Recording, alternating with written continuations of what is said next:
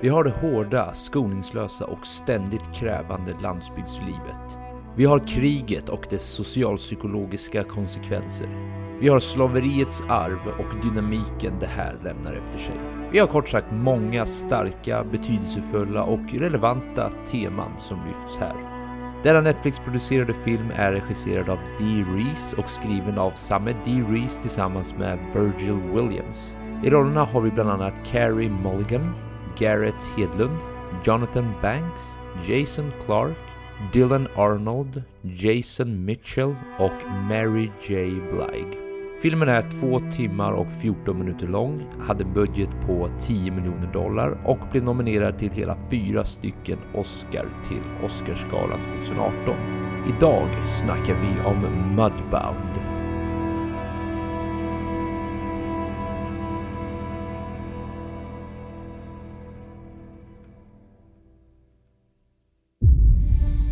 As far back as I can remember, I always wanted to be a gangster. The first rule of Fight Club is you do not talk about Fight Club. Did you eat all this acid? That's right. Music! What is real? How do you define real? Du är leksak! More people than you think, and more people each day. This is a world getting progressively worse. Can we not agree on that?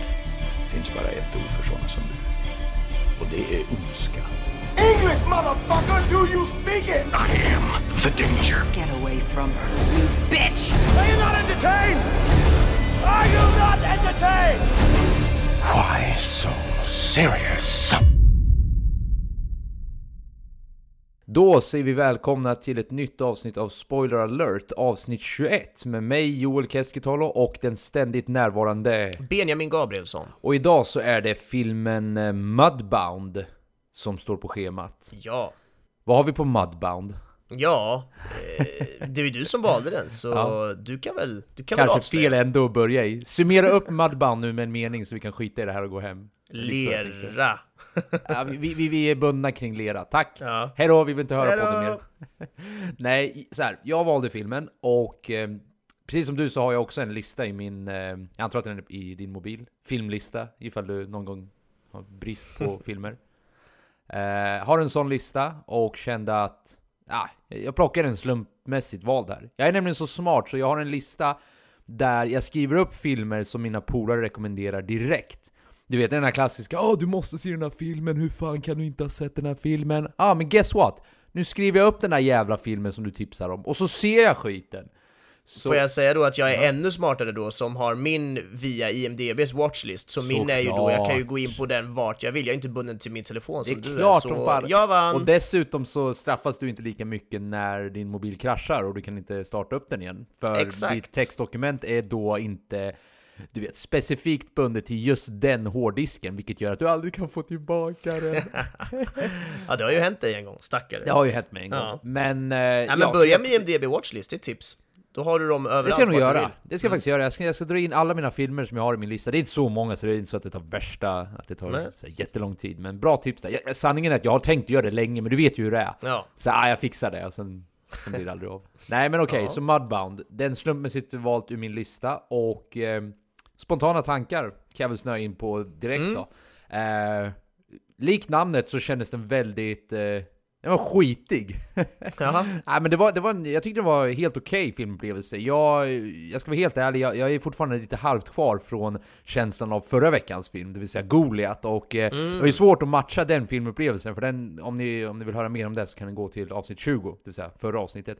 Men jag hade en väldigt speciell upplevelse när jag såg den filmen, så den nådde ju obviously inte upp till den nivåerna riktigt. Nej. Men eh, kort och gott en väldigt bra film, bra längd på filmen tycker jag också. Mm. Vad, vad tycker du? Nej men jag, är- jag tycker verkligen om den här filmen. Jag tyckte den gjorde ett eh, starkt intryck på mig. Det var, ja men det var ju, det var så jävla gripande story med många intressanta karaktärer och interaktioner och det var, det var så mycket som samspelade på samma gång och jag tyckte verkligen att det, det fungerade. Det, Ja, det liksom landade rätt. Ja, så jag är eh, jätteglad till den här filmen, så tack för att du visade mig en film som jag tyckte om mer än vad du gjorde verkar det som. Det är Fan, roligt. fa- fan vad lustigt, för jag, jag hör redan nu på ditt tonfall att jag tror vi gillar den här filmen lite olika. Jag Ja. tror du gillar den här filmen lite mer än mig, så det ska bli, Ja, verkligen. det blir intressant att utforska. Mm.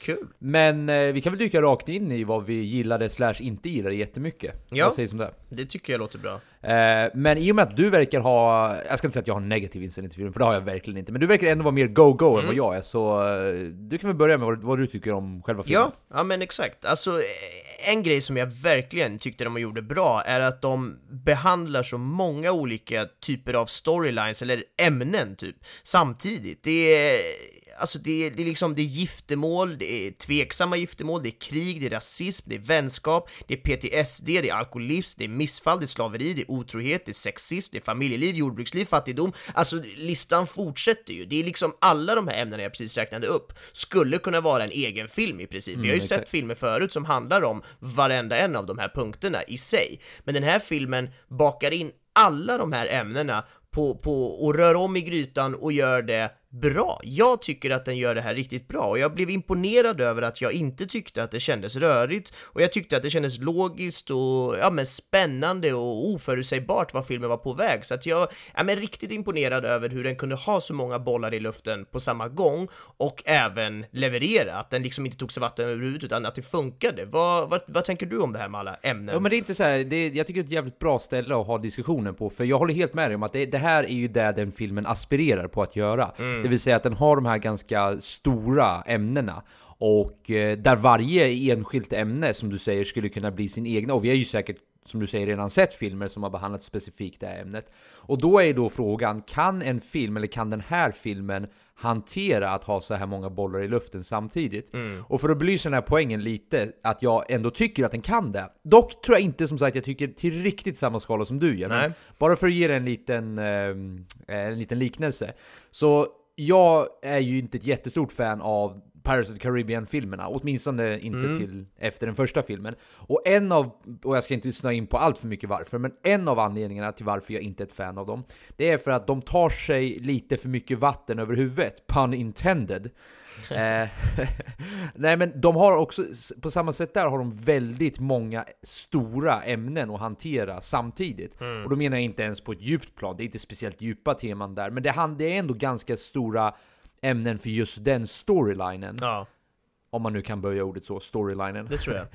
Eh, så jag tycker ju det, det blir för jävla spretigt till slut. Det är så här, okej, ni hade kunnat hållit er till två av dessa fem stora storylines. För nu fick, istället för att då ge 50-50 uppmärksamhet till, till eh, två stycken av dem, istället då så blir det 20% på varje ämne. Och jag tycker att det blir lite för lite tid. Speciellt med tanke på att de filmerna är ganska korta. Men för att då dra det tillbaks till det här. Jag tycker ju framförallt att den rör sig med som du säger, det är ju det är ju en drös olika subteman kan man ju nästan säga. Ja. Men de två eller tre stora teman den lyfter skulle jag vilja påstå är landsbygdslivet, för den, där kan man ju fånga väldigt många av de grejerna du Ja, nämnde. absolut. Eh, den hanterar också kriget och dess effekter på de människor som var med i Mm, kriget. Kan man ju också summera upp väldigt mycket av det du sa. Och den, den eh, hanterar också fortfarande The Legacy of Slavery, väljer jag att kalla det. Det vill säga att det är ju, de lever ju fortfarande med, det är ju inte slaveri officiellt, är det ju inte. Men det är ju nästan slaveri. De får ju fortfarande, alltså de, den svarta populationen i Mississippi pratar jag ju nu om, får ju fortfarande knappt, ja de får inte de allmänna rättigheter som den vita mannen får till exempel. Nej, precis. Men för att dra, då dra tillbaks det här. Jag kan ju tyvärr tycka att det ibland blir lite spretigt just för att jag tycker ju alla de här temana är så jävla intressanta var för sig. Och när det blir det här hoppandet, då känner jag jag känner ibland att jag precis börjar vaggats in i den här storylinen för att sen få den cut och då hoppa över till den andra storylinen. Men här tycker jag ändå att det funkar just för att det är så få, inom citationstecken, spår vi ändå pratar om. Den hade annars, enligt mig, haft risk att bli alldeles för spretig. Hänger du med? Att det, Nu har vi verkligen inte kontroll på vad vi gör längre, men just för att den håller sig till ganska ganska stora spår då trots allt, men att de ändå håller sig till ganska få av dem, så tycker jag ändå att det funkar till viss del. Ja. Det, jag vet inte, det är någonting inom mig som tycker att den var lite spretig. Kan du Ja. hjälpa mig förklara vad? Nej, jag kan typ inte det, för jag håller inte riktigt med. Alltså, jag tycker att den behandlar de här ämnena klockrent, och jag tycker ju att den, den nästan har extremt många bollar i luften samtidigt. Alltså olika ämnen och teman so- som är sådär stora, som vi precis har pratat om, som är så stora att du skulle kunna göra en egen film av det. Men jag tycker också att den verkligen, alltså att de på något sätt flätas in i varandra på ett sånt sätt att det inte känns, jag fick inte känslan av att nu hoppar vi mellan olika kapitel, utan jag fick känslan av att allting korrelerar tillsammans och går tillsammans i någon slags symbios och bara framåt. Att det är, om vi ska sammanfatta det som liksom jordbrukslivet för de här människorna, och då menar jag både de vita och de svarta i filmen, alltså alla de här jordbruksliv, vi sammanfattar det som det, det är storyn. Så, så kommer liksom alla de här andra liksom hundra grejerna jag, jag räknade upp förut, de läggs som, som strössel ovanpå och, och bara blir, eh, ja men en, en krydda liksom på det här vardagslivet som redan är tufft. Och jag vet inte, jag, jag tyckte verkligen att det funkade med hur de zigzackade runt emellan alla de här ämnena och ja, nej jag vet inte, det landade väldigt bra hos mig, så jag, jag kan, det är därför jag har svårt att svara på vad det var de tappade dig någonstans på vägen, men för mig flög det verkligen. Nej men det är kul att höra, jag skulle då i så fall vilja highlighta någonting jag verkligen tyckte om i den här lilla strösselrätten du precis ritade upp för oss. Ja. Men det jag tycker är, av de här temana vi pratar om då, så tycker jag att eh, det mest fascinerande är kollisionen mellan det civila, vardagliga landsbygdslivet versus då kriget. Jag älskar det faktum att vi får se, för som sagt, om vi nu ändå har valt att gå de här vägarna, det vill säga att vi öppnar upp de här två parallella storylinesen som, som sagt, jag har inte riktigt själv landat ärligt talat vad jag tycker om det, men generally har jag ändå en bra feeling över det, just för att det är ändå inte så jävla spretigt. Man hänger med jättetydligt med vad som händer och man förstår kopplingarna hela tiden. Så det är inte på något sätt att det är otydligt. Men då vill jag verkligen lyfta upp hur fint jag tycker det är att se krocken mellan eh, de här två personerna då, den svarta och den vita eh, mannen som varit ute i krig. Mm. Vilket är Jamie. McCallan, ja exakt, och Ronsel Jackson. Eh, för krig erbjuder ju en helt annan, eh, vad ska man säga, social konvention än vad det sociala vardagliga livet gör. Och jag tycker det är då extra fascinerande. Jag tror det här landar i varför jag tycker att det borde ha blivit två olika filmer. För jag vill, jag, jag var otroligt fascinerad av Ronsel Jacksons upplevelser här. Det vill säga, för det här är också ett ganska dagsaktuellt tema, hur, man hör ju en hel del om i USA hur veteraner är hemlösa på Ja, grund av ja. PTSD och det är fruktansvärt. De har åkt de har åkt över eh, Atlanten, liksom offrat deras liv i krig de själva inte valde. De kommer hem, de förväntar sig ens, du vet, ett, ett drägligt liv när de kommer tillbaka. Men vad får de göra istället? Jo, de får skjuta heroin och sitta hemlösa på, ja, nu, nu kanske jag ritar en väldigt mörk bild, men tyvärr är det ju så här i vissa fall. Absolut. Eh, den kollisionen är jag så otroligt fascinerad av, på ett väldigt morbid sätt kanske. Och jag älskade då Ronsel Jacksons attityd där i början, när han kommer tillbaka till, han stöter ju på den här familjen som, som de, eh, den här McCallan-familjen. Ja, är det Och har affären fort- där du tänker på? Ja, exakt. Precis i affären där. Och de har fortf- han har fortfarande föreställningen att han är en människa. Han är en amerikan. Och han är inte definierad utifrån sin ras. Och då vad alla de begränsningarna innebär. Och att då se den kollisionen mellan dem i Mississippi, som inte fattar ett skit ärligt talat, som fortfarande är kvar i den här superkonservativa inställningen. Ja, extrem Den rasism. kollisionen där, e- extrem rasism basically. Jag älskar den kollisionen där.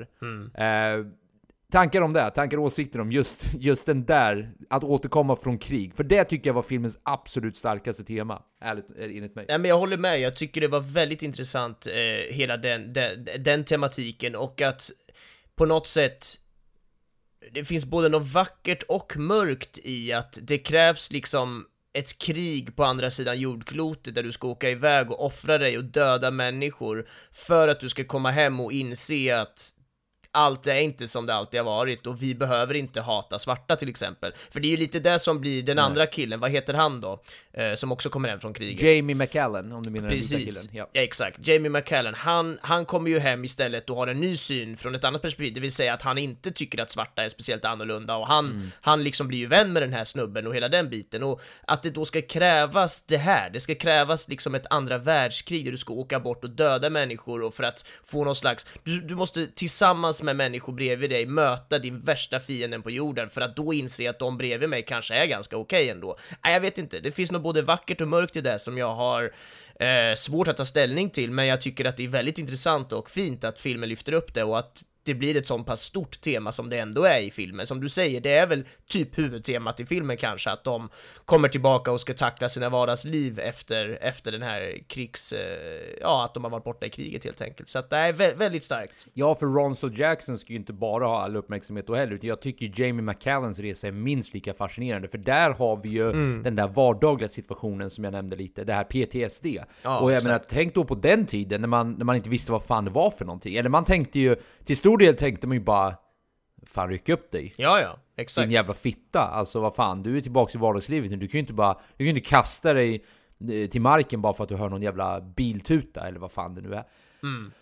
Det är lätt för er att säga som inte har legat i skyttegravar eller som har sett er bästa väns ansikte sprängas framför, du vet, så en meter ja. ifrån er. Man blir, så, man blir så provocerad när man tänker på när man föreställer sig vad de har fått sett. Mm. Krig är ju inte direkt vardagsmat. Krig är ju någonting man vill undvika i högsta möjliga mån. Och här har de varit i Mississippi, du vet, fortsatt deras halvrasistiska, ibland helrasistiska jävla aktiviteter. Och så kommer de här soldaterna tillbaka, och ingen av dem blir speciellt hyllade. Nej. Ingen av dem blir speciellt respekterade. Inte ens av Jamie McCallens farsa blir han respekterad, utan där blir han snarare hånad. tillrättavisa. Ja. Han blir hånad till och med för att du vet, en man ska se dess offer i ögonen eller vad mm. han säger. Han drar någon sån där jävla grej att... At least I looked my one in the eye before I shot him. Not like dropping bombs from a mile up in the air. Well, the the uh, 1800s called and they want their war back. Det är liksom inte, det är inte riktigt så krig ser ut numera, men ja, jag vet fan. Den delen uh, mm. liksom träffade verkligen hjärtat för mig. Ja, Nej, jag håller med. Den var otroligt stark och jag tycker det var väldigt fint porträtterat av dels alltså filmens sätt att bygga upp den här vänskapen, relationen på, så, som, som gick i, i samtidigt som vi fick se liksom de andras perspektiv eh, också. Och det är väl det jag på något sätt tycker också att den här filmen gör otroligt bra och det är ju det här sättet vi får följa olika personers perspektiv. Eh, alltså att vi får de här små presentationerna, det är någon slags voiceover där vi hör den här personens tankar. Så en liten stund följer vi med en person och hör dens tankar, den inre monolog liksom som, som, som bara vi hör. Och ja men det ger så mycket innehåll och, och feeling och så är det ofta musik då till det och ja men det är väldigt smart sätt tycker jag just för att presentera dels karaktären och dens sätt att se på hela den här situationen och hela livet, men också att vi ska få mer kött på benen när det kommer till, till situationer som råder överlag i hela filmen. Vad är det som sker och, och vad har de för relationer mm. till varandra? Och ja, nej, men det låter oss följa olika stories från olika personers perspektiv och nej, jag tycker det är riktigt jävla bra. Vad tycker du om den grejen? Jo, alltså det slår mig nu, och jag vet att jag sa inledningsvis innan vi tryckte på play att jag är lite kluven i vad jag tycker om det, men det slår mig nu medan du pratar om vad, vad jag tror det kan mynna ut i. Jag tror att eh, den där berättarstilen påminner en hel del om ett historiskt dokument, ärligt talat. Nästan lite mm. dokumentärkänsla över det. För eh, jag lyssnar ju en del på historiska podcasts, som du vet. Ja. Och eh, personen där som, som driver den här podden, han är ofta väldigt tydlig med att betona hur många olika källor det finns för det här skeendet. Mm. Han kan säga till exempel att ja men den här personen ansågs vara en hjälte här och du vet han gjorde värsta sjuka grejerna här och han stod för folket och allting. Men sen säger den här författaren då att han inte alls hade det här perspektivet och den författaren blir sen i sig kontrad av en annan författare. Så att få så här jättemånga olika personers point of view på samma sak mm. ger ju ofta den här bredare bilden över vad som Exakt. händer. Istället för ja. att bara ha... Ett annat bra exempel skulle kunna vara typ böcker versus film. Ta Gotböckerna till exempel, Game of Thrones. Där får du ju, kapitlerna är ju strukturerade så att du läser det från personens point of view. Mm. Man, får des, man får alltså höra personens tankar, eller läsa personens tankar i det här fallet. Mm. Och det ger ju, precis som du säger, det ger ju så mycket mer kött på benen. För om man bara får filmen utspelad, då allt du får ju läsa av, du får ju titta på hur karaktärerna reagerar och eventuellt hur de pratar med varandra. Men när du får deras tankar om situationen också, då får du ju en mycket tydligare och mer färgstark bild över vad som händer. Så jag får ändå landa i att jag gillar ändå berättarstilen för vad den här filmen försöker göra. Att jag får nästan lite av det här, ja men som sagt, det bästa jag kan säga är dokumentärkänsla över Mm. att de vill på något sätt lyfta upp den här delen, det här skeendet under den här tiden i det här landet, Mm. på den här platsen. Ja, verkligen. Och det där med dokumentärkänsla tycker jag nästan speglas i, i, i fler delar av filmen också. En del på det tekniska, men just att man det hela tiden känns som att vi verkligen är en del av den här leriga jävla vardagen som de lever och att vi får vara liksom också då en del av deras tankar i deras huvud. Det blir väl lite som du sa där med en bok, jag tycker det är ett bra exempel, att vi får ju ta del av tankarna på ett sätt som man inte får annars i film, när vi inte hör, ja, när de helt enkelt tänker högt till oss i publiken och nej, jag tycker det är, ja, riktigt bra helt enkelt. Jag skulle vilja ställa en fråga till dig bara. Vi, vi har Mm. rört en hel del på det temat, men vi har, vi har inte riktigt tryckt på det. Men hela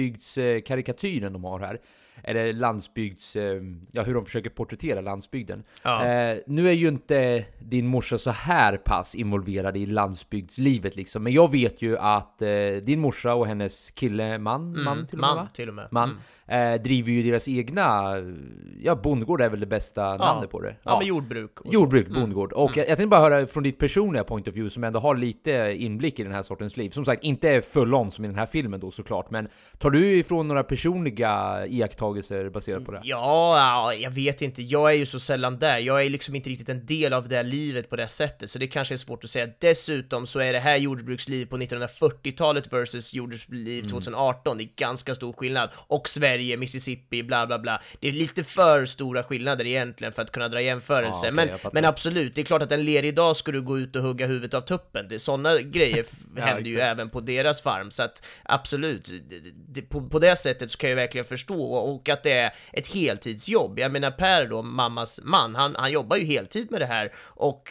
måste ju jobba varje dag med olika grejer. Det ska matas djur och det ska liksom klippas där och, och det ska eh, plöjas på någon åker och allt vad det är. Så att det, det är ju verkligen känslan av att jordbrukslivet är ett heltidsjobb där du måste göra allt du kan hela tiden för att det ska gå runt. Och då ska man ju lägga till då att de här människorna i filmen lever ju som sagt på 1940-talet och det är fattigdom, det är rasism, det är, det är så många faktorer som gör att det blir mycket tuffare och mycket svårare för dem att, att jobba på det här sättet. Så att, att, att det är jobbigt, tufft och skitigt att leva jordbruksliv på 1940-talet, det tror jag inte det råder något tvivel om Nej. och det tycker jag verkligen att de får fram genom den här filmen. Ja, för man får ju verkligen, du säger någonting bra där, det här med att landsbygdslivet sover, eller inte om du använder just de orden, men att landsbygdslivet sover liksom aldrig. Det, det går liksom inte att ta semester i den utsträckningen. eller det är den bilden jag får av det i alla fall. Att, Nej, så är det ju. och jag tycker det, det porträtteras ju väldigt bra här i filmen också. Jag menar om en häst, jag vet inte om hästen dör, blir skadad eller typ både och. Ja, den får en sjukdom tror jag, Ja, och precis. så måste de avliva den. Och man ser ju redan där vilket kaos det blir. Det är så här, hur fan, Ja. det är inte så här existentiell kaos kanske, men det är ju,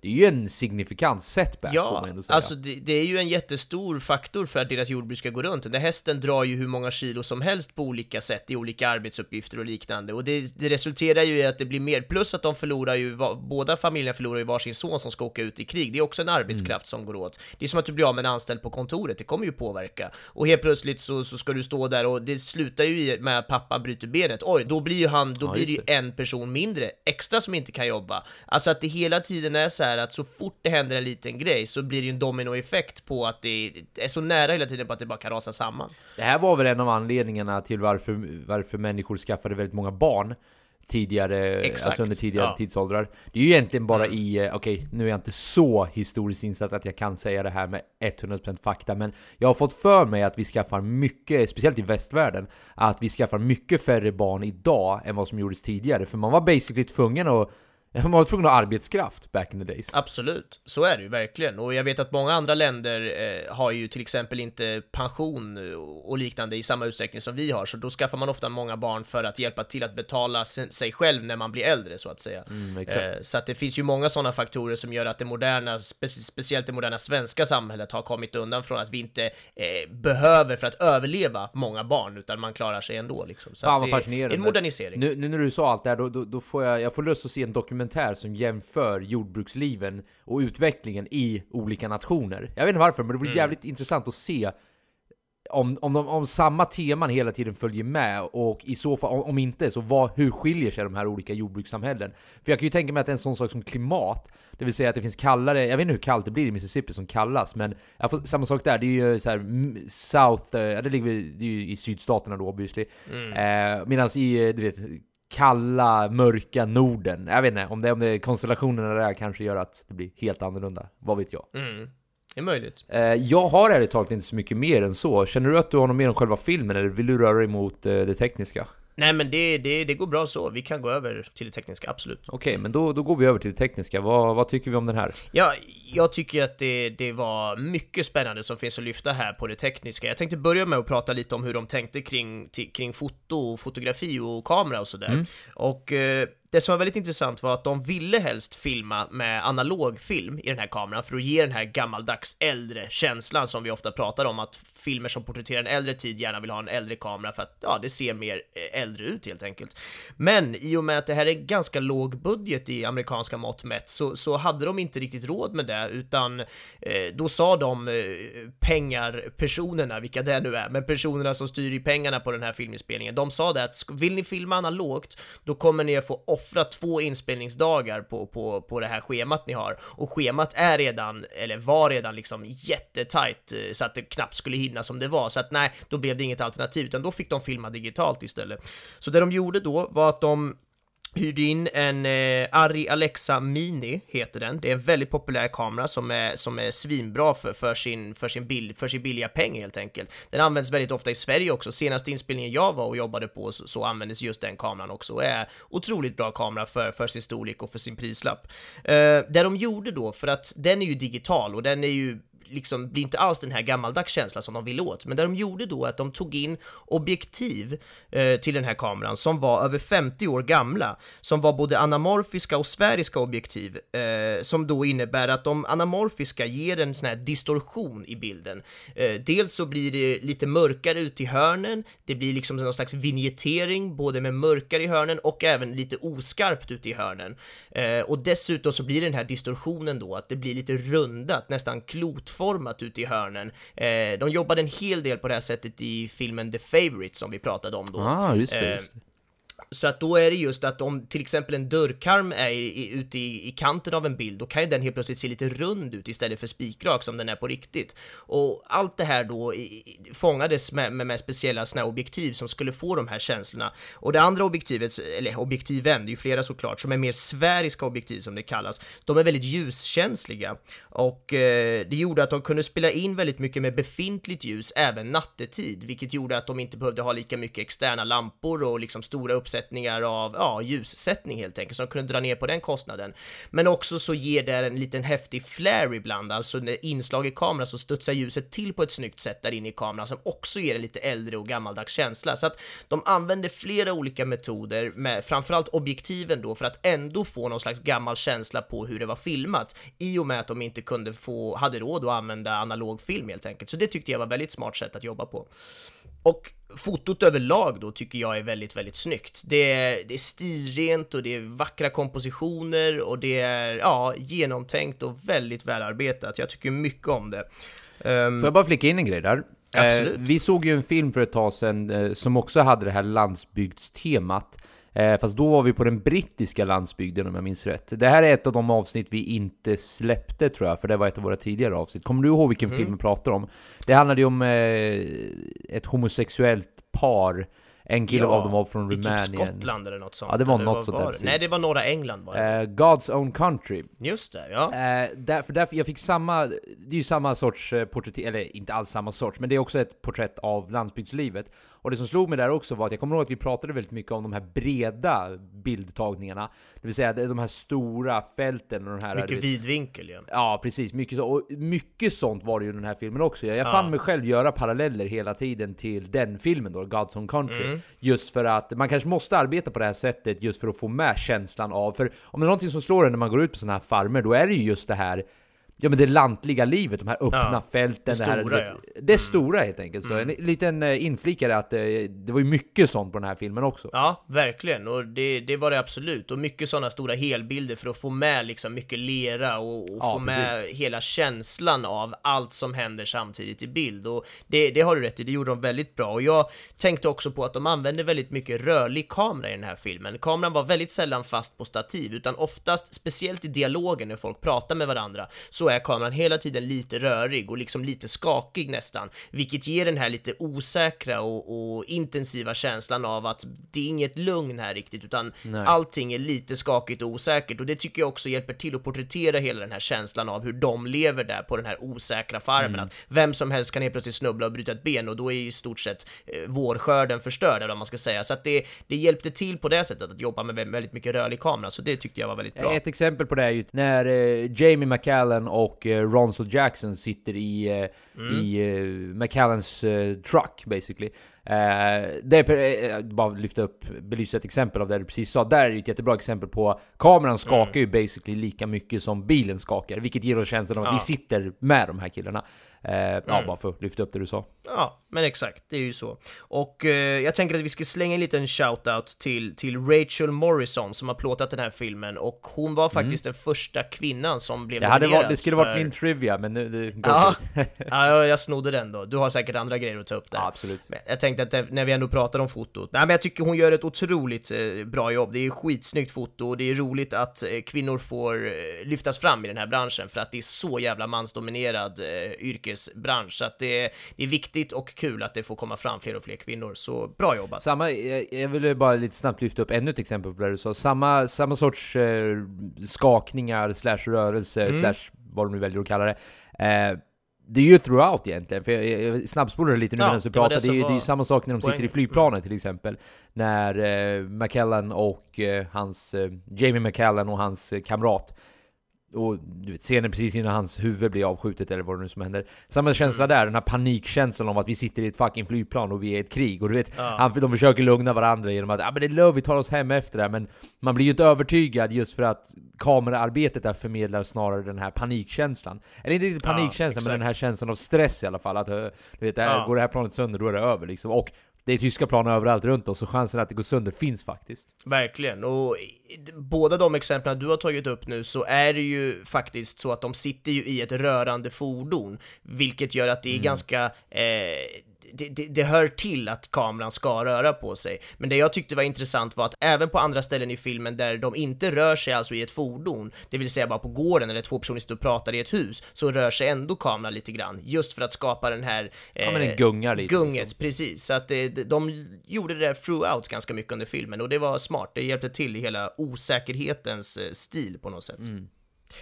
Jag tycker också att scenografin var väldigt, väldigt bra, alltså det vill säga hur saker och ting ser ut och är i bild helt enkelt, vad de har för kläder, vad de har för hus, vad de bor i, allt kändes så jävla skitigt och äkta och, och med tanke på att det här är ganska relativt låg budget för att vara en amerikansk eh, storfilm så, så, så tycker jag ändå att de har gjort ett svinbra jobb just för att leverera en trovärdig autenticitet som, som känns både i kläder, miljö och hus och liksom rum och allting sånt. Så att det, ja, det tycker jag verkligen de gjorde bra. Och eh, ljudläggning och klippning var, var, var väldigt fint. Det var ingenting som jag reagerade så här särskilt på, men någonting som jag reagerade på som jag tyckte var otroligt vackert, det är musiken i den här filmen. Som jag tycker är genomgående väldigt stark och eh, ja, men slagkraftig på något sätt. Den, den har den bygger ju mycket på stråkar, den bygger mycket på, på olika stråkinstrument som, som jobbar samtidigt. Det är ofta någon kontrabas som ligger på och mullrar i bakgrunden och sen så är det flera olika fioler som, som eller violiner kanske man säger, som, som ligger på och, och kör i olika stämmor samtidigt. Det är väldigt vackert.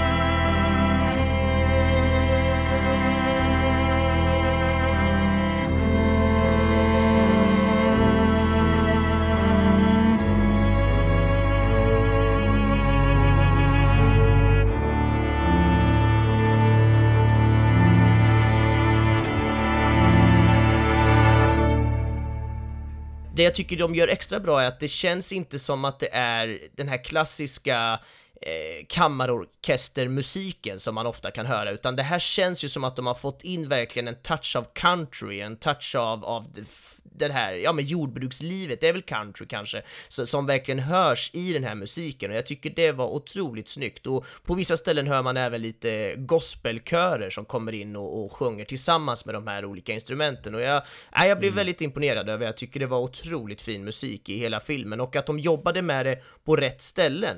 Jag tycker att de inte överanvände det och tryckte in sådär musik som jag har pratat om i tidigare avsnitt, att det kan bli kladdigt och övertydligt ibland. Och här tycker jag de hade en bra balans på det, att de i scener, ofta i de här små mellanpartierna, i transportsträckorna emellan olika scener, till exempel när folk har sin lilla monolog, den här inre monologen med tankarna som jag pratade om, då var det ofta eh, stämningsfull musik. Och sen när det hände något extremt dramatisk situation så kunde det vara musik, men just när det var dialog mellan två personer eller flera personer sådär, när de bara pratade med varandra, då var det oftast ingen musik. Och där var det istället bara vanliga naturljud som man hör från, från scenen i sig. Så att, nej, jag tyckte det var väldigt bra musikläggning, dels valet av musik, vad det var för stil, men också hur och när och i vilka scener de valde det. Väldigt bra jobbat. Jag skulle också vilja lyfta upp lite det här du sa med den här gospel... Eh, Ja, säger man så? Mm. Ja. Landar den i den kategorin, gospelmusik? Ja, absolut. De hade ju lite Ja. sånt när de satt och sjöng lite i de här olika kyrksammanhangen och det spelade ju av sig lite på musiken i allmänhet. Ja, precis.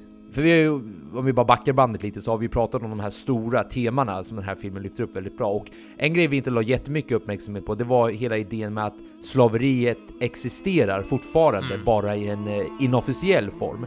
Och då den här gospelmusiken påminner väldigt mycket om den sortens gospelmusik man brukar associera till ja, men olika sorters rörelser som sprang upp under slaveritiden och under eh, amerikanska inbördeskriget och liknande. Så det var en lite snygg, eh, ja, det, det arbetades in på ett väldigt snyggt sätt som gav oss känslan av att shit, det är fortfarande väldigt fucked up här och här har vi liksom teman som påminner om tidigare tiders eh, eh, brutalitet mot svarta människor. Så eh, förutom musiken överlag så skulle jag vilja lyfta upp just den här gospeldelen Ja. av eh, musiken.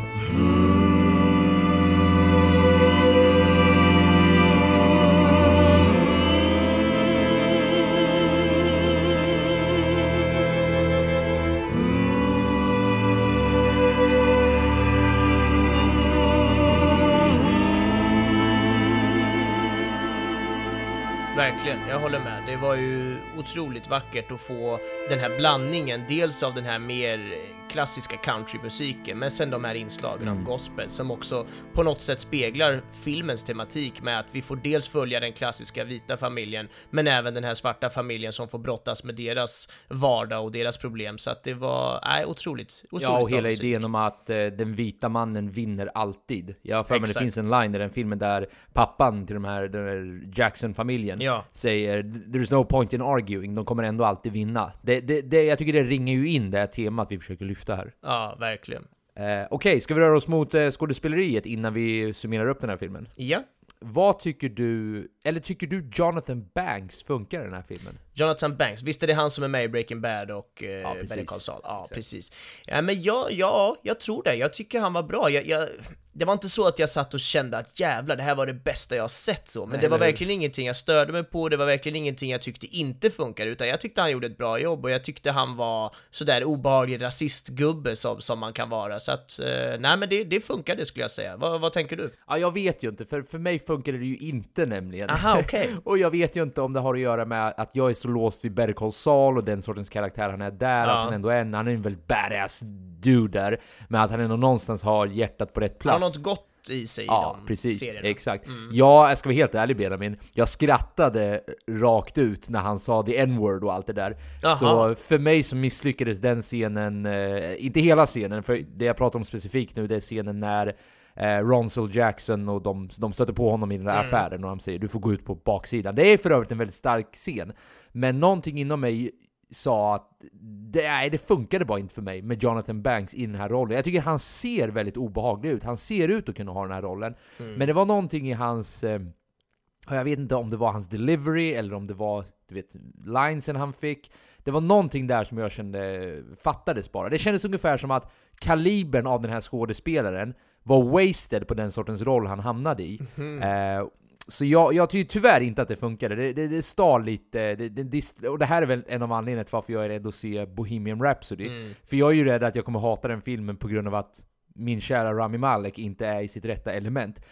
Har jag bilden av i alla fall. Jag kommer säkert se den och älska den, men jag, jag drar bara en liten parallell till den filmen här. Ja, nej men intressant. Och jag skulle vilja eh, fortsätta spekulera lite på det där. Vad, vad, vad kan det vara? Är det så att det är att han inte gör en bra roll, att han inte riktigt levererar, att det är ett dåligt manus? Eller är det så att din egna personal liksom, känsla av honom, för du förknippar ju verkligen honom med det här du har sett honom i tidigare, så att det, att det krockar och att det istället inte flyger på grund av det. Vad, vad tror... Ja, alltså, jag, jag har ju inte expertis nog att kunna se, vara den som bara ah, värdelöst skrivet, och du vet han är en dålig skådespelare. Utan jag landar ju, ty- ödmjuk som jag är, du vet. Ja. så landar jag ju mer vid det, det andra faktumet att han påminner mig helt enkelt alldeles för mycket Ja. om Mike från The Breaking, eh, Breaking Bad. Men samtidigt ge, vill jag ge mig själv lite cred här, för jag tror inte bara det handlar om det. Alltså det här är väl säkert en personlig preferens i slutändan, men jag tycker ju inte som sagt att han... Han varken stod ut eller var på samma playing field som de andra tyckte jag. Mm. Det kändes som att de an, alla andra skådespelare tyckte jag nästan stal showen här. Medan han var... Alltså han var där och han gjorde ju sin grej, men... Ja, det, det, det, det är klurigt där. Vi har ju pratat tidigare om vilket problem jag har med att bedöma skådespelarinsatser. För Ja. å ena sidan, vem fan är man att bedöma? Ja, verkligen. Men jag går ju bara på min, den subjektiva upple upplevelsen jag har när jag ser vad jag ser. Och det var någonting som inte klickade där, så jag kan inte svara med säkerhet, men i ärlighetens namn mynnar det väl säkert ut i att jag har sett du vet, hur många säsonger av Breaking Bad är han med? Han dyker väl upp någon gång i säsong två, så det är väl det är fyra säsonger där, och sen Mm. har jag sett honom i nu, numera tre, fyra säsonger av Better Call Saul. Mm. Jag är ju fast vid att Men- han har den sortens roll, ja. Verkligen, och en till faktor att väga in där då som kanske är intressant, är, för båda de här serierna så spelar han ju samma person, eller hur? För de där serierna Ja, är ju i samma Precis. universum. Yes. Så egentligen är det ju en och samma karaktär. Och om jag får gissa nu, har du bara sett honom i den här serien? Eh, Alltså, eh, ja, v- vad jag minns i alla fall, Ja. vet, han kan ju mycket väl ha dykt upp i andra sammanhang, men vad jag minns är, stämmer det i alla fall. det skulle ju kunna vara så att han kanske bara har spelat den där rollen och bara har det i sig, att han kanske inte ens är så jävla bra skådis. Vad vet jag, nu spekulerar jag hej vilt här, men att det skulle kunna vara en sån grej, att nu helt plötsligt fick han gå utanför sin comfort zone från de där serierna och kom ut i den här rollen och inte riktigt funkade lika bra. Kanske, vad vet jag? Ja, för grejen är, han har ju inte varit med i såna här äh, Alltså stora, du vet, big sellers som man kan associera andra skådespelare med. Han har varit med i CSI Miami, han har varit med i Two and a half men, du vet. Ja. Modern Family, sen hittade han sin väg till Breaking Bad. Mm. Och jag tror ju Breaking Bad gav ju honom en skjuts som Ja, den serien gjorde många karaktärer. Så ja, det, det ligger nog lite i det tror jag, att han inte har den där riktigt A-list eh, capabilities kanske, förutom då i den rollen han gör som allra bäst. Och det kanske man ska tacka Vince Gilligan för då, för han är en otroligt bra regissör, skulle jag vilja hävda. Eh, Men ja, det, det är intressant. Vi kanske får spåna vidare det här i framtida avsnitt, för jag tycker som sagt sådana här grejer, du vet hur, skådespelare kan fastna i vissa roller, Mm. tycker jag är jävligt intressant. Verkligen. Vi får hålla koll på honom också, se om han gör något annat och om han levererar. Absolut.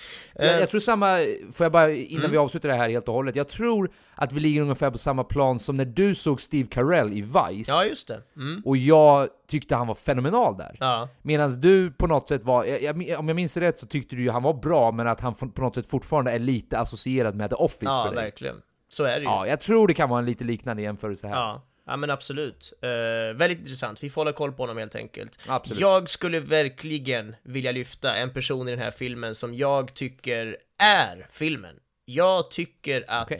Carrie Mulligan, alltså som är Laura McAllen, eh, frugan här som, som vi får följa ganska mycket. Det är, hon är ju med inledningsvis, eh, så har hon en av de här första inre monologerna och sådär, vi verkligen får följa hennes liv på ett sätt. Och jag tycker hon är så jävla bra alltså. Ja, men det är så många olika små blickar och ryckningar i ögonbryn och olika, alltså bara när hon hör hennes man då, ehm, vad fan är det han heter? Han heter Henry McAllen. När han då säger olika saker så är hon på ett så finlirigt jävla subtilt sätt där och bara, hon, hon säger ingenting. Och hon kan bara göra en liten liten blick eller liten liten eh, rynkning i pannan som ändå säger så mycket om vad hon egentligen tycker och tänker om den situationen som hon lever i med honom, liksom halvt som att hon inte riktigt vill bo med honom. Och nej, jag vet inte, det fanns ett jävla djup och ett jävla lager av härligt skådespeleri från henne. Jag tyckte hon var fantastisk. Och intressant karaktär i grund och botten. Alltså att Ja. det är en karaktär som eh, känns också väldigt trovärdig på något sätt. Att här har vi inte en karaktär som du vet, har väldigt progressiva värderingar och du vet, vill försöka kämpa för kvinnans frigörelse, allt det här som du vet, vi, vi, vi tänker om kvinnliga protagonister idag. Utan hon är snarare väldigt tidsbunden på ett väldigt realistiskt sätt. Att hon har den här bilden av vad en kvinna ska göra och du vet, hon, hon eh, hon, hon följer det, till viss del i alla fall. Hon blir ju Ja. dessutom kär i brorsan och mycket av det där. Men Mm. nej, en väldigt, jag håller helt med dig. Jag håller dock inte riktigt med om att hon är filmen. Jag förstår vad du ser här. Och jag Mm. tycker Carey Mulligan generellt är väldigt bra. Jag såg henne första gången i Wall Street. Har du sett den? Money Never Sleeps. Ja, Ja, jag jag såg den första gången där och det slog mig Mm. då också att jag tyckte hon var riktigt bra. Men jag tycker ju, vad heter det, Garrett Hedlund faktiskt, shoutout. Jag tror Ja. han har en, eh, en eh, svensk eh, pappa, eller den ena föräldern har svenskt ursprung i alla fall, Okej. och den andra har Mm. tyskt ursprung tror jag. Så där- därav att han ser lite svensk ut också. Det är han som är brorsan, eller hur? Ja exakt, Som det hon är blir den yngre brorsan. Ja. Precis. Mm. Jag tycker ju att eh, Garrett Hedlund då och eh, Jason eh, Mitch- Mitchell, Mitchell Ja. eh, det vill säga Ronsel Jackson, och det, det är ju klart att det, det kanske är lätt för mig att säga i och med att det är de två det kretsar kring liksom. Mm. Men eh, jag, vill, jag vill lyfta upp dem igen att eh, jag, menar, jag, jag såg eh, Garrett Hedlund senast i Troy, i Troja, Mhm. kommer du ihåg vem han var där? Nej, typ inte. Nej, kommer du ihåg Troja som film? Ja, det gör jag, och den är inte på min favoritlista kanske. Nej, jag förstår. Men han är ju Achilles kusin. Aha. Vad heter Aha. han då? Nej, det är Eh, skitsamma. Patroclus eller något sånt Ja, där, typiskt grekiskt namn. Ja. Eh, så vad jag kan minnas var där, han, för mig var han helt okänd, förutom Mm. det där. Jag tänkte, vem fan är det här typ? Men wow vad jag tyckte han var bra, och speciellt när han spelar när han kommer hem från kriget Ja. och han porträtterar PTSD och att han, han smådricker hela tiden, han kastar sig till marken när, när det smäller Mm. av och han ser helt förvirrad ut. Jag tycker de scenerna de stal det verkligen för mig. Och då såklart Jason Mitchell som Ronsel Jackson. Han är bara bra throughout Mm. i alla. Allt ifrån hans frustration till att inte kunna stå upp mot den vita mannen. Till hans, hans längtan efter Belgien. För det är väl där han träffade jag har för mig att han träffade en Ja, eller tjej där Tyskland under kriget. fan det var. Nej Ja, men det var exakt. nog Belgien, ja något sånt. Något sånt där, ja, precis. Så Europa tycker, kan vi ju säga. Eh, någonstans i Europa, ja precis.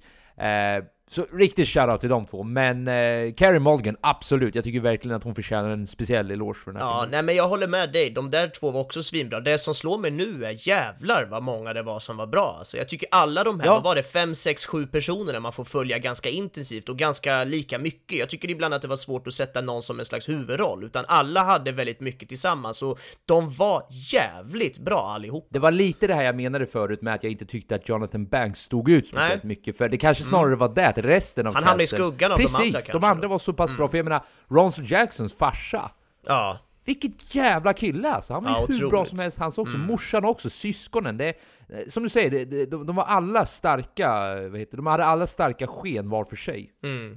Otroligt. Ja, vi får vara glada för att vi, vi fick se så här många bra skådisar som heller inte är liksom superduper, det är inte de allra mest kända skådespelarna, men ändå levererar otroligt bra roller. Ja, Spontant tänker jag ju att Jason Clark är den största av de här, det vill säga storebrorsan av alla, för han har ju varit med i många, många stora, man ser ju Mm. Ja, man har ju som sett tätt. honom. Ja, exakt. Mm. Så, men eh, ja, så shoutout, jävligt bra ensemble rakt igenom. Ja, otroligt. Fantastiskt fint jobb. Okej, vad sägs? Ska vi summera upp det här och sen nominera en varsin favoritscen? Ja, det kan vi göra. Summa summarum för min del är väl att eh, tyckte väldigt mycket om eh, porträttet av landsbygdslivet och de har många stora starka teman igång här.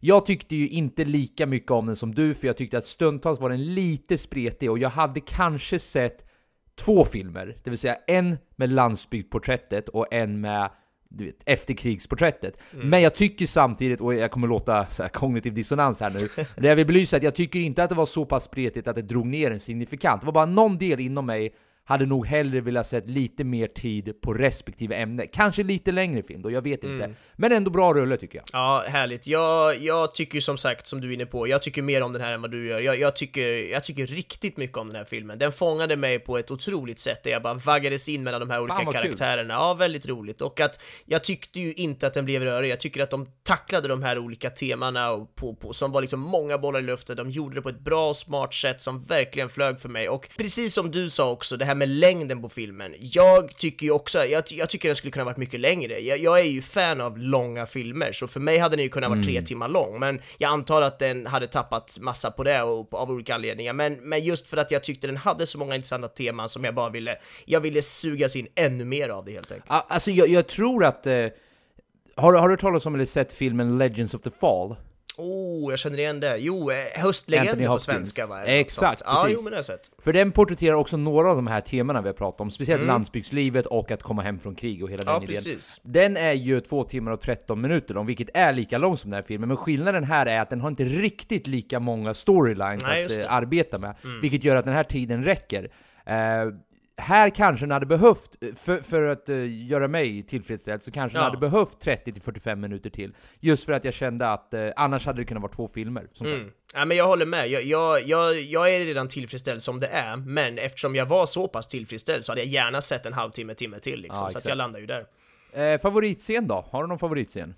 Ja, det, det svåra här som vanligt är ju att välja någonting. Det här är ju en väldigt stark film där det finns otroligt många starka scener, men jag Verkligen. kommer lyfta en scen nu som, som går lite mot det tekniska som jag nämnde förut, det här med scenografin, att jag tycker de jobbar väldigt bra med hur det ser ut i bild och var, varför saker och ting ser ut på ett visst sätt. Och den här scenen som jag lyfter nu tycker jag gjorde det på ett väldigt intressant sätt, och det är i början av filmen, eh, när de är på den här tågstationen och ska möta brorsan då, för första gången tror jag det är vi får se honom. Det är alltså eh, Laura McCallan, alltså Carrie Mulligans karaktär tillsammans med Jason Clarks karaktär Henry McCallan. De är ju ett nygift par och de ska träffa eh, Henry McCallans bror då första gången på tågstationen. Ja, exakt. Ehm, och då så, så då är det fortfarande hennes scen så att säga. Det är fortfarande hennes den här presentationen. Vi har hört hennes lite inre monolog så, som hon går runt och pratar om och vi får följa, du vet att ja, jag gifte mig, bla bla bla. Hon har ju liksom precis gjort den här presentationen, så här är det fortfarande en del av hennes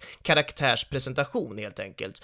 Och det jag tycker de gör väldigt bra där i den scenen är att de går på den här tågstationen och eh, så börjar de prata de tre med varandra och de hälsar på varandra och skojar lite och så och överallt, det kryllar ju med folk där på tågstationen, men alla människor på hela tågstationen, i bakgrunden och sådär, alla har liksom brunt och grått och liksom svarta kläder, mörka kläder, mörka toner på sig sådär. Hon är den enda där i bild som har en röd hatt på sig, vilket gör att hon sticker ut från mängden. Hon lyser ju på, på, på ett annat sätt, väldigt subtilt ändå, för att den är ändå liksom så här vinröd och lite mörkröd, den, hennes hatt. Men den är den enda som är liksom riktigt så röd, till skillnad mot allt annat som rör sig i hela den stora, stora salen. Vilket gör att det extra mycket förtydligar att det är hennes scen, det är hennes liksom plot story vi ska få introduceras och, och fördjupa oss i just nu. Och jag tycker en sån detalj är, är väldigt snyggt bara hur man jobbar med sce- sce- scenografin på det sättet för att förstärka någonting som även ska berättas i bild liksom. Ja, snyggt. Ja, så att jag landar i Ja. den helt enkelt. Jag landar i scenen när, någonstans i mitten på filmen, när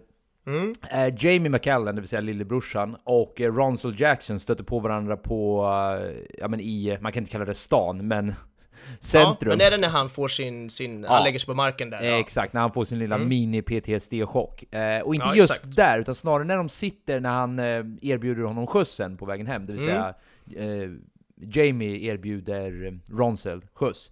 Just det. och eh, det jag tycker är väldigt fint där, alltså i, i, i första ögonkast så kan det ju framstå som en väldigt klyschig scen, och det är det väl till viss del. Du vet, så, ah, vi ska connecta nu, the black guy and the white guy och så här. Ja. Hur många gånger har man sett det liksom? Men jag vill framförallt lyfta fram det här du sa förut, det här med att krig har en enande kraft för de som Ja. är med i det. Och man kan tycka att det är skittråkigt att det ska behövas ett, ett världskrig för att det ska hända, men det Mm. må vara hänt nu. Men det jag tycker är väldigt fint där, och jag får gåshud bara jag tänker på det, för jag älskar det här i, eh, i böcker, i serier, i dokumentärer. Det är just det här att vi, vi är mer än bara, alltså i det här fallet så har de ju, de har ju, de kretsar ju kring identi, identifikationen amerikaner, du vet, vi slåss för USA och allt Ja. det där. Och det kan finnas alla möjliga olika problem med nationalism, bla bla bla, det behöver vi inte gå in på. Men det är någonting fint där tycker jag, att det transcenderar åtminstone ras, att de kan hitta vet, vi har båda varit igenom det här helvetet tillsammans. Det Mm. bildar liksom ett väldigt speciellt band, trots att de inte har varit i samma regemente eller något sånt där. Tvärtom, de har stridit i helt olika, i helt olika sektioner av militären. Ja. Men att de ändå faller tillbaka i det här tänket eftersom de har delat en upplevelse som ingen annan som inte har varit där kan relatera till. Mm. Och att eh, det är klart som fan du inte ska behöva sitta i bar, alltså vi är ändå, vi är båda soldater. Vi, vi har liksom den identiteten bakom oss, och det är så mycket mer än allt det här tjafset med ras hit och dit, och landägande hit och dit, Ja. och fan vad det nu kan vara. Så jag håller helt med dig, man skulle kunna välja en drös olika scener. Man skulle till exempel kunna lyfta climax-scenen i slutet när han tvingar, vi har inte, vi har inte ens gått in på den. Hela Nej. scenen när han tvingas välja mellan ögon, tunga och Ja, pungkulor. det är ju Den är ju så otroligt starkt. stark Ja. att det, även om jag inte väljer den specifikt nu så förtjänar den att lyftas. För Ja, riktigt, eh, riktigt bra climax-scen får man nog säga. Mm. Men eh, med det sagt så tycker jag det, det, det var min favoritscen. Ja, kul. Bra val. Okej, lite rolig fakta om den här filmen då. Ja. Och, eh, till skillnad från eh, förra veckans eh, film så finns det här en drös med intressant Ja, fakta vad på kul. filmens IMDB-sida. Så jag kommer nämna ett par stycken av dem. Ja. Jag har ju redan avslöjat en av dem. Du har redan avslöjat en av dem och jag har också touchat på en annan. Men låt oss eh, lyfta att eh, Rachel Morrison, som då gjorde, ja men som var ansvarig för filmandet. Ja. Hon är den första kvinnan som någonsin har blivit nominerad för Best Cinematography. Ja, det var ju i, det jag eh, var inne på. Precis. Det var den du var inne på ja. Ja. Är Den här filmen då, då, det var den första icke-dokumentärfilmen som eh, distributer, som, vad säger man, distributed, jag har svårt att säga det på svenska, distributerades? Distribuerades tror jag. distribuerades av en streaming service, det vill säga Netflix, som någonsin har blivit eh, vad heter det, nominerad Ah. till stora kategorier i. Academy Awards. Och det, det här är alltså första gången det har hänt, vilket gör att det, på ett sätt så bryter den här streamingtjänsten då, Netflix, eh, Hollywoods monopol på vilka filmer som ska kunna bli nominerade. För det har tydligen alltid varit en liten bias mot sådana här Ja, streamingtjänster, verkligen. att de ska inte kunna leverera filmer på den här nivån. Så lite häftigt att det på något sätt bryter den föreställningen. Ja, härligt. Eh, filmen hade premiär 2017 på Sundance Film Festival, där den fick en stående ovation. Som Mm. många sådana här filmer som... Eh, Sundance har tydligen en, en... eh, Det kanske är fler festivaler som har det, men jag har hört att Sundance har en väldigt stark tradition med just stående ovationer. Och stående ovationer som kan hålla på ibland i 10 minuter. Ja, Det är Cannes har ju en extremt. del sånt också i Frankrike. Då är det många Förlåt? sådana. I Cannes, Cannes-festivalen i, Ah, okej. i, i Frankrike har ju också mycket sånt. Där de Du, ska det stå. kan jag faktiskt tänka mig på ja, något sätt. så är många svåra människor som gillar svår Mm. film. ja, verkligen. Eh, ja, lite intressant också att alla av den här filmens olika nomineringarna, eh, alltså olika kategorier, hade en kvinnlig nomi- eh, nominee, hur säger man det? En, kvinna, en, en, Ah, kvinnlig nominering. Eh, det var Dee Reese för Best Adapted Screenplay, Mary J. Blige för då Best Supporting Actress, Rachel Morrison för Best Cinematography och igen Mary J. Blige och Tara Stinson för Best Original Song. Eh, och imponerande, Imponerande. som fan. Och en liten kort till då. Eh, Carey Mulligan och Jason Clark spelade båda tillsammans i Great Gatsby innan. Eh, som sagt, det finns många fler här på EMDB om ni skulle vara intresserade av det. Kul! Men då så min vän, vad sägs om att avslöja nästa veckas film? Är det något mer du vill lägga till på just den här filmen, eller känner vi oss ganska nöjda här? Nej, men jag är nöjd, så jag skulle kunna presentera nästa veckas film. Do och, it. eh, det blir alltså Patterson från 2016. Patterson. Också en Netflix-rulle va? Ja, det stämmer. Den finns där i alla fall. Jag vet inte om det är de som har gjort den, men den finns där i alla fall. Det får ni reda på eh, nästa vecka. Ja, vad kul. Men eh, om det inte är något annat så in, eh, in på vår Facebook-sida, in och likea där, kommentera gärna om ni har några synpunkter. Spoiler Annars är vi, alert. spoiler alert heter vi på Facebook ja. Annars är vi jättetacksamma att ni lyssnar. Sprid gärna till filmintresserade och vi finns där poddar finns. Verkligen. Kan- ska ni veta. Ja, 100% så är det. Vad kul Joel! Jättekul och då säger jag på åter... Hörande. Har du lärt dig? Vad stolt jag blir. Nej jag har ju inte det, jag väntar på att du skulle fylla in Ja. tomrummet där. Hörni! På återhörande nästa vecka. Hej då! Hej då!